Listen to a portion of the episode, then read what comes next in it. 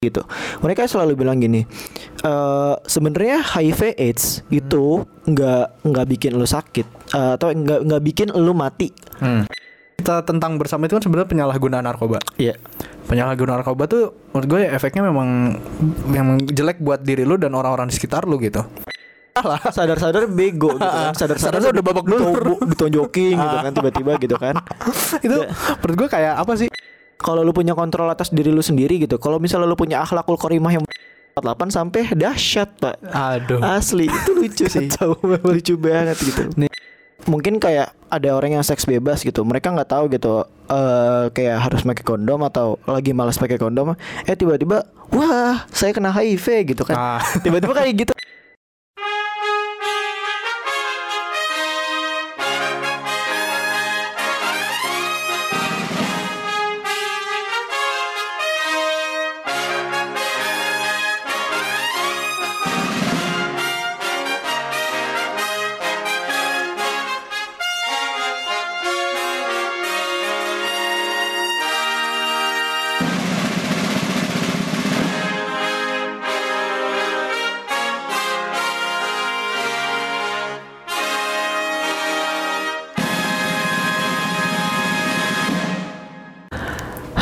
Balik lagi di Postulat Project. Mantap. Mantap. Gimana kabar mal? Alhamdulillah baik. Mantap alhamdulillah. Walaupun setelah dua hari kemarin tuh dua hari tiga hari kemarin tuh bilangnya kayak aduh sakit ah gitu pengen bed rest dulu sebentar gitu. Terus lagi HP lu lagi ini. Iya HP gue lagi bapuk pak. Matot, mati total. mati total. Lu tadi ngubungin gue pakai IG ya sampai Pakai IG itu eh, de- dari Instagram adik gue gitu. Jadi tuh niatnya gini Jack. hmm. Eh, jam 10 tuh gue benerin HP gue kan. Hah.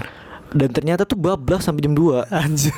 Itu tuh ngotak-atik, ngotak-atik lu, mana lu nyervis sendiri apa ke, ke tukang ini? Enggak nyervis sendiri. Jadi tuh Anjir. cuman cuman ganti ROM doang kan, ganti Oh, ah. ganti OS doang dan menurut gua itu kayak gampang aja gitu kan.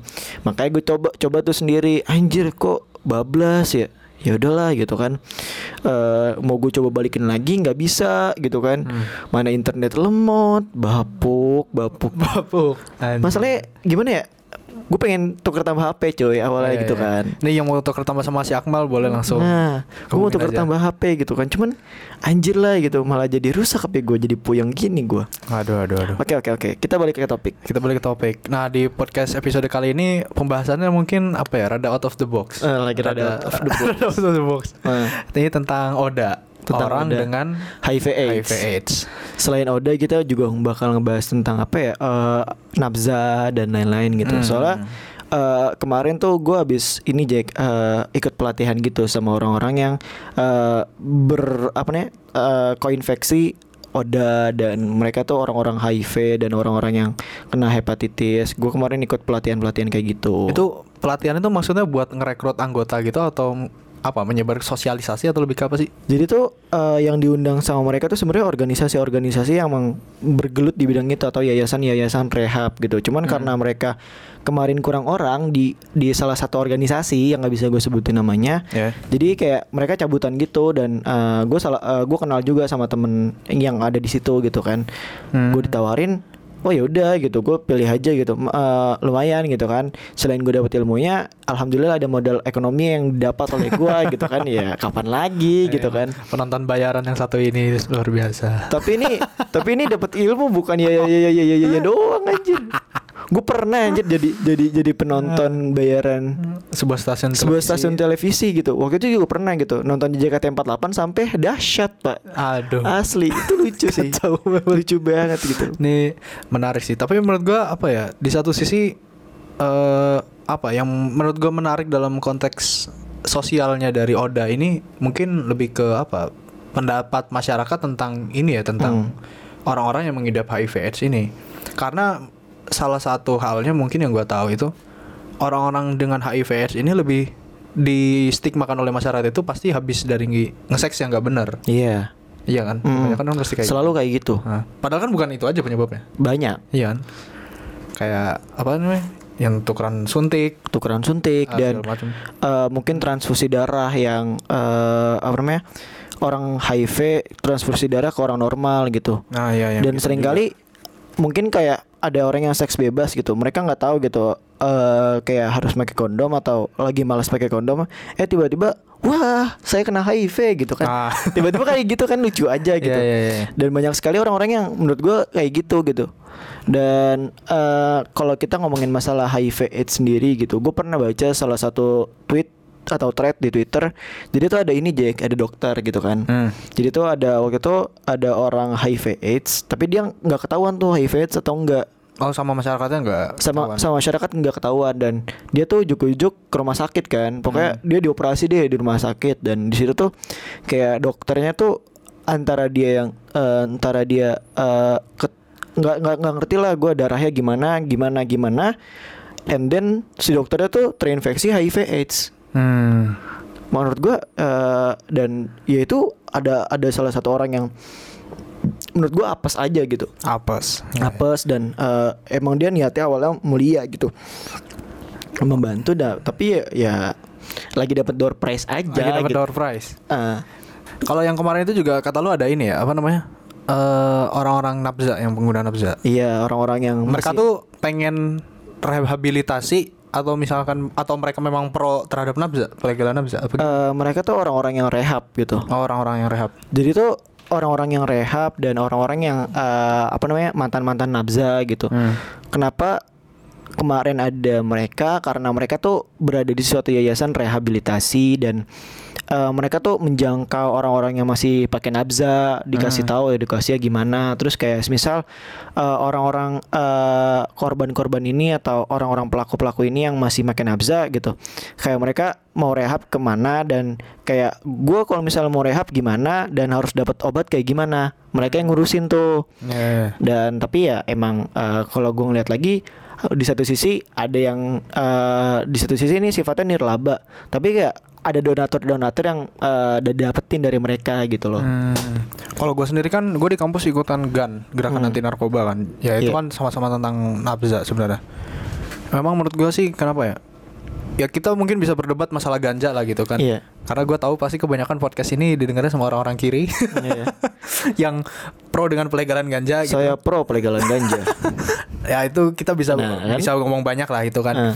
Nah tapi menurut gue gini, kalau misalkan kan yang kita tentang bersama itu kan sebenarnya penyalahgunaan narkoba. iya Penyalahgunaan narkoba tuh menurut gue ya efeknya memang memang jelek buat diri lu dan orang-orang di sekitar lu gitu. Mm-mm. Kayak gue pernah ketemu orang di BNN gitu, gue lupa lagi namanya siapa. iya Dia tuh tadi mantan pecandu gitu. Dia tuh sampai pokoknya dari umur barisnya SMP sampai udah umur 30-an tahun. iya Masih pakai sabu kalau atau apa gitu kalau nggak salah. wow Itu sekarang efeknya tuh di semua badan dia tuh nggak ada rambut sama sekali. nggak ada rambut sama sekali Uh, jadi badannya tuh udah kayak panas benar panas gitu loh. kayak kucing sping berarti Iya, iya model model model model kucing sping gitu ah, ya? model kayak gitu. Jadi benar-benar kayak apa sih? Ya itu tadi rambutnya kayak udah orang habis di kemo gitu loh. Ah.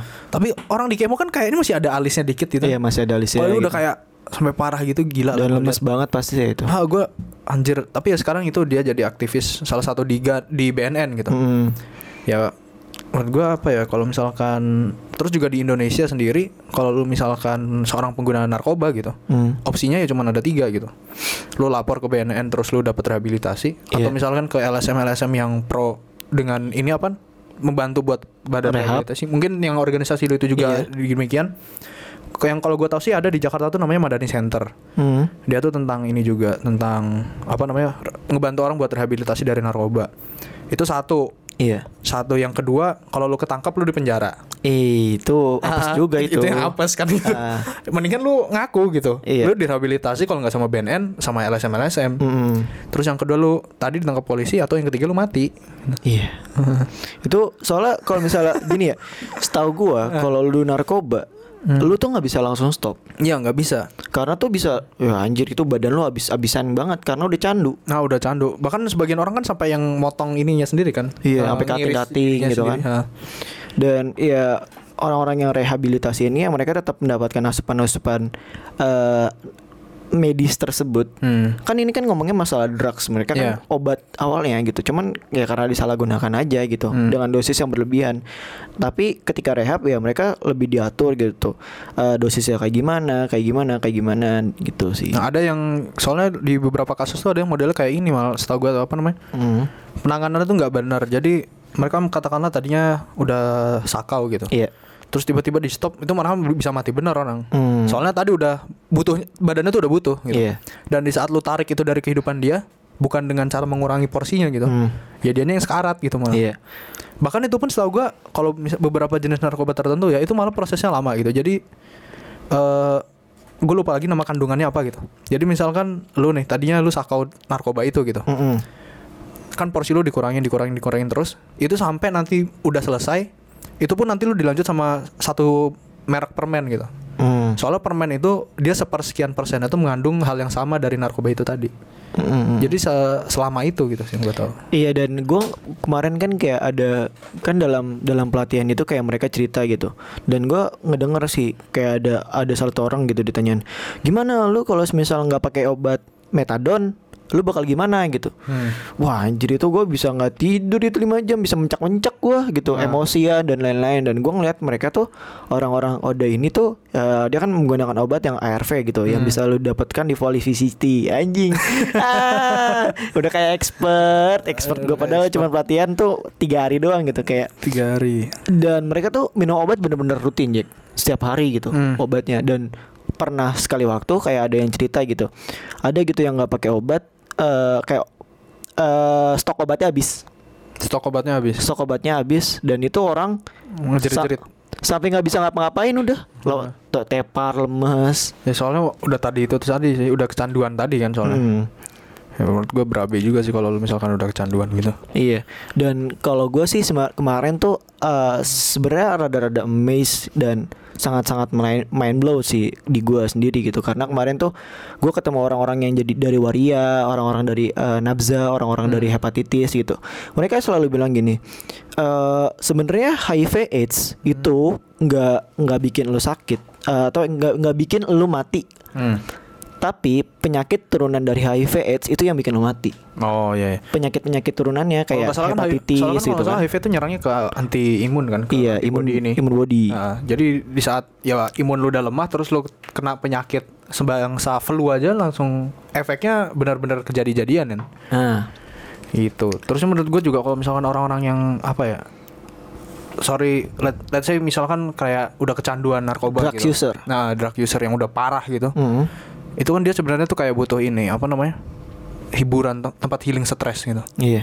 nah gue tuh malah mempertanyakan ini loh orang-orang yang selalu ada di sekitarnya gitu Hmm. kenapa dia nggak selalu ada buat dia Buat gitu dia gitu. padahal maksud gue kita kan namanya zone politikon gitu kan ya orang Hmm. yang nggak bisa hidup sendiri gitu kan Iya. di saat lu misalnya ada masalah ya tuangkanlah itu ke orang-orang yang terse- terdekat lu gitu Hmm. entah itu dengan teman lu atau keluarga bahkan menurut gua keluarga tuh itu kan dia institusi pertama institusi sosial pertama yang lu dapatkan yang gitu kan. tiap bangun lu pasti ngeliat gitu Ah, kan. kecuali anak kos Kecuali anak kos kecuali gitu anak kan. kos maksud gua lu pada ke mana gitu Hmm. nah itulah pentingnya lu care sama orang-orang di sekitar lu salah satunya buat itu juga Dan sebenarnya. sering kali kita nih orang-orang yang apa ya? Kalau misalnya gue ngeliat gini, orang-orang oke drug user gitu, Hmm. tapi dengan stigma masyarakat dia udah udah tercandu kayak gini gitu, tapi malah dijauhin gitu sana sini sana sini. Nah. Dan itu yang menurut gue emang kenapa kalau dia drugs user gitu, Eh, bukankah ya, ya ya harus dibimbing biar nggak jadi drugs lagi gitu Nah, kan? biar nggak kecanduan lagi gitu. biar lagi nggak kecanduan lagi gitu. Ya lu semua manusia gitu gua rasa emang harus punya support system yang baik gitu loh. Hmm. dan mereka sendiri ya eh, dalam suatu organisasi mereka sendiri gue kemarin dengar kayak mereka tuh sering kali kayak sharing session gitu Ah. kayak pegangan tangan bareng-bareng terus kayak cerita gue tuh kayak gini kayak gini kayak gini terus kayak eh, ditanyain gitu mungkin per bulan atau per minggu per tiga minggu atau apa pun itu kayak progresnya gimana hari ini? Udah dapat apa aja? Udah udah gimana badannya? Kayak gitu kayak gitu. Dan itu dilakukan oleh orang-orang yang berada di dalam LSM LSM LSM ini yang proyeknya sih nirlaba gitu. Cuman ya pasti ada aja gitu donaturnya gitu. Ya pasti ada donaturnya. Soalnya setahu gue tuh eh, ada organisasi besar gitu. Kalau nggak salah namanya Global Fund or, or something gitu.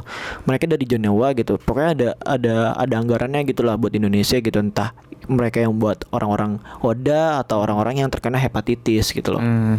Oh ya ngomongin tentang orang-orang yang menggunakan nabza gitu. Iya. Di daerah lu ada nggak yang ini malah apa namanya Eh, orang-orang yang suka mabuk dan bikin kericuan di masyarakat? kalau suka mabuk dan bikin kericuhan eh kalau gue selalu ngeliat gini teman-teman gue jujur kalau dulu tuh banyak banget yang mabuk banyak banget yang menggunakan hal-hal tersebut gitu Nah, di daerah gua gitu. Tapi kan emang stigma masyarakat aja gitu yang ngebuat mereka eh jadi apa ya? Jadi kayak eh, rusuh ah, rusuh gitu tapi pernah sekali waktu di dekat rumah gue tuh emang ada yang bandar gitu kan Hmm. eh ya bikin ricu ya karena dia waktu pas dikejar polisi ya masuk rumah orang gitu Oh, kayak iya, gitu iya. kayak gitu yang itu udah ya. mengganggu privasi orang sih iya soalnya. Kalau gue pribadi gue di kuningan dulu ya. Hmm. Gue tuh di depan rumah gue ada yang pernah mabok Iya. malam-malam gitu. Dan gobloknya tuh dia ngejerit kenceng banget. Hmm. Nah itu yang bikin orang marah sama dia gitu. Hmm. Mungkin kalau dia mungkin maboknya di apa namanya? Kayak mungkin di kontrakan dia gitu. Iya. Terusnya diam-diam aja ketawa juga antara dia doang mungkin nggak masalah gitu. Ah. Tapi yang jadi masalah ya itu dia mabuk pinggir jalan, Hmm. ngejerit kenceng banget terus ngegedor pagar rumah orang gitu. nah itu yang bikin masalah Nah itu yang bikin masalah. sadar-sadar bego gitu kan sadar-sadar udah babak belur. ditonjok- ditonjokin gitu kan tiba-tiba gitu kan itu Ya. menurut gue kayak apa sih ya kalau di luar negeri kan mabuk gitu let's say mabuk itu kan buat ngehealing stres gitu. Ya, di beberapa tempat di Indonesia pun di Iya. Jakarta gitu juga banyak sebenarnya orang-orang yang kayak gitu. Yang mabuk di clubbing waktu lagi dia lagi clubbing sekedar buat ngehealing stres kan. Pelarian. Pelarian gitu. Tapi lagi-lagi dia terkontrol memang. Hmm. kalau misalkan di klub ya udah lu mabuknya di clubbing doang gitu. Iya. Kan gua rasa hukum internasional lah. Kalau lu misalkan mengemudi sambil mabuk pasti ditangkap polisi kan itu pasti semua pasti. gitu kan. Semua Ya lagi-lagi masalahnya itu tadi kalau di kita pakai sudut pandang barat gitu, hmm. lu mabuk boleh aja asal jangan ngeganggu orang. mabuk lu pinter lah gitu Nah, nah itu dia. Seenggaknya gitu kan Mabuk lu yang pintar gitu. Dan eh, kalau misal nih kita ngomongin masalah nabza dan eh, orang diskriminasi lah orang-orang yang HIV, orang-orang ODA gitu kan.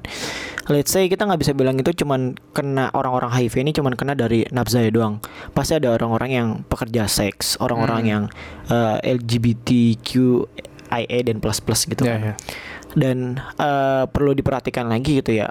Seringkali jujur gitu kalau misalnya dalam pandang dalam cara pandang gua eh, sulit sekali untuk menghilangkan eh, apa ya stigma-stigma yang udah tertanam di masyarakat. Jujur, pasti selalu punya stigma-stigma gitu kan. Tapi ya ketika kita berusaha untuk melihat seseorang itu, ya udah emang dia pekerjaannya di kayak gini, kayak gini, kayak Hmm. gini.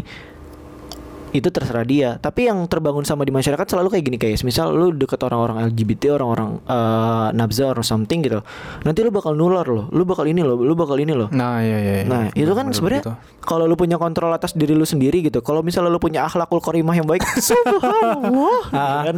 Ya lu nggak bakal tertular hal-hal tersebut gitu kan. Iya, kalau lu memang preferensinya tidak seperti itu gitu kan, ya nggak bakal kejadian gitu. Tapi ini malah gue gue pernah nemu yang unik gitu. Apa tuh?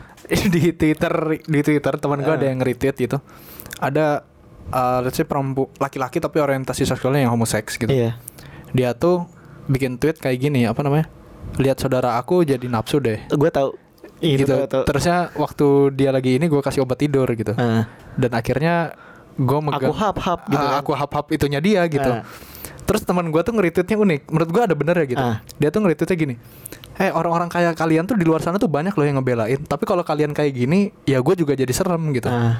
Menurut gue tuh ada benernya sih. Soalnya Iya. di luar sana dan di Indonesia sendiri, yang pro sama LGBT itu banyak loh. Hmm. Gitu. Bahkan berusaha untuk melegalkan lu pada di di sini gitu. mereka gitu Ah, Tapi please lu tolong jaga etika juga dong. Gitu. Hmm. Kayak gitu kan masalahnya. Iya, sering kali kita selalu berpikiran kayak gini. Gua nggak mau deket sama orang-orang kayak gitu, nanti nular loh, gitu kan. Nah. Padahal kalau kata Panji, kalau misal emang dia ya dia mereka nggak bakal nularin gitu. Kalau misal emang lu ada bakat, ya lu bakal kena gitu. ada bakat. Iya, kalau emang lu ada bakat ya tanpa dideketin pun udah kejadian Nah. duluan kan pasti. Nah, yang kayak gini tuh yang harus apa ya kita bedah secara pikiran lagi gitu. Lu apa ya? Lu diterima di masyarakat gitu. Di masyarakat yang sangat-sangat subhanallah ini gitu Ah, Indonesia gitu sangat-sangat kan. religius ini. Sangat-sangat religius ini kan emang susah banget gitu. Ah. Terus lu bikin hal yang kayak gini terus lu expose. Nah iya, parahnya kan di sono sebenarnya. Kacau. Kacau memang parah. D- eh, kayak gimana ya? Wah, lu Hmm. kacau banget gitu ibarat kata. Kalau kalau gue selalu ngeliat gini, lu mau homo mau mau mau gini, lu mau eh, perilaku lu kayak gimana gitu. Itu sesuai dengan diri lu aja lah ya gitu. Yang Cuman preferensi lu lah. preferensi lu preferensi lu aja lah, tapi jangan ngajak-ngajak gitu. Nah, jangan ngajak-ngajak, jangan kayak apa ya? Maksudnya jangan jangan nikah juga sih maksud gua. jangan nikah. Nah. Kayak yang tadi tuh itu menurut gua Udah bertingkah gitu. udah udah bertingkah sih. Maksudnya itu pun secara etika salah gitu.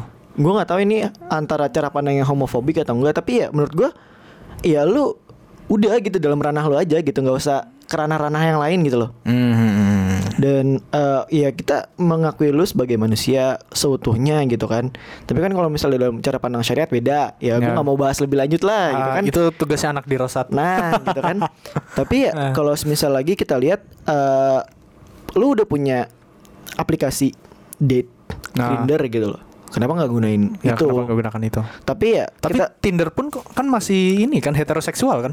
Tinder he- heteroseksual Grinder Oh, Grinder. itu buat orang-orang yang Oh. eh, kawan-kawan sana gitu yang homoseksual gitu Oh, gitu. tapi eh, sering kali gue pernah waktu itu temen gue cerita gitu tentang orang-orang yang homoseksual ini sering kali mendapatkan diskriminasi juga dari orang-orang homoseksual Mereka oh. kayak kayak kayak kayak gimana ya Eh demandnya dikit nih Ah.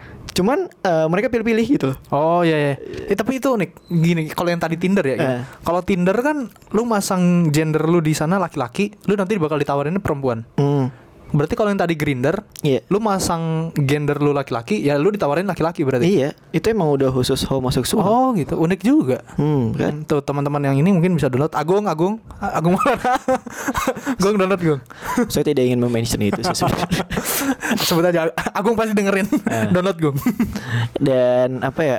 Kalau misalnya kita ngomongin masalah diskriminasi pasti ada aja gitu diskriminasi diskriminasi baik kita orang kita gini eh kayak emang masyarakat kita tuh selalu menjadikan orang yang berbeda itu menjadi musuh gitu gak sih Ya, ini lagi-lagi masalah identitas sebenarnya. dari mulai kita belum masa penjajahan mungkin Ah, ya, dari masa penjajahan kita tuh sebenarnya merebut keaslian kalau katanya Ariel Herianto tuh. Hmm, tuh. Ah, kita tuh berebut keaslian. Siapa yang paling asli ada yang paling top lah. Nah, kayak apa ya? Semua tuh udah self proclaim gue ini, gue ini, gue ini, gue ini. Tapi ya ujung-ujungnya ternyata lu impor semua gitu. Nah, kalau katanya si Ariel Herianto kan dulu waktu kita masih zaman penjajahan kita rebutan siapa yang paling nasionalis. Hmm. Yang tidak nasionalis itu musuh. Hmm. Sekarang kita berebut keaslian dalam hal agama. Hmm. Gue yang paling Islam, lu yang tidak paling Islam gitu. Nah. Nah sekarang orientasi seksual gitu. Gue yang paling alami, lu yang tidak alami. Nah, gitu. itu bingung juga gitu Ah. loh. Dan eh, kayak emang kalau misalnya ngomongin masalah diskriminasi emang gak bakal ada habisnya gitu. Emang gak bakal ada bisnis. Ini kayaknya emang nungguin Dajjal turun baru kelar kayaknya. Kayak nungguin kapitalisme hancur, Jik. Nungguin, kalau Wah. lanjut, nungguin Karl Marx ini hidup kembali, dibangkitkan dari dalam kubur. Itu sangat-sangat sulit. Eh, Sangat-sangat sulit. Coba lu bayangin itu kayak kalau misalnya dia bangun gitu. Apa kata pertama apa yang dia bakal keluarin gitu ketika melihat dunia terus tiba-tiba dia buka OVO gitu. Tiba-tiba dia buka Dana, Dana, Ah, gitu kan. Dia lihat. Microsoft, Bill Gates orang terkaya nomor tiga nah, sekarang. gitu. Terus lu ngeliat kayak pokoknya gitu-gitu lah. Eh, Jeff menurut lu nih, Bezos. menurut lu nih Eh. kata yang pertama yang dia bakal keluarin tuh apa? Gua dulu goblok banget. Anjing lah gitu kan.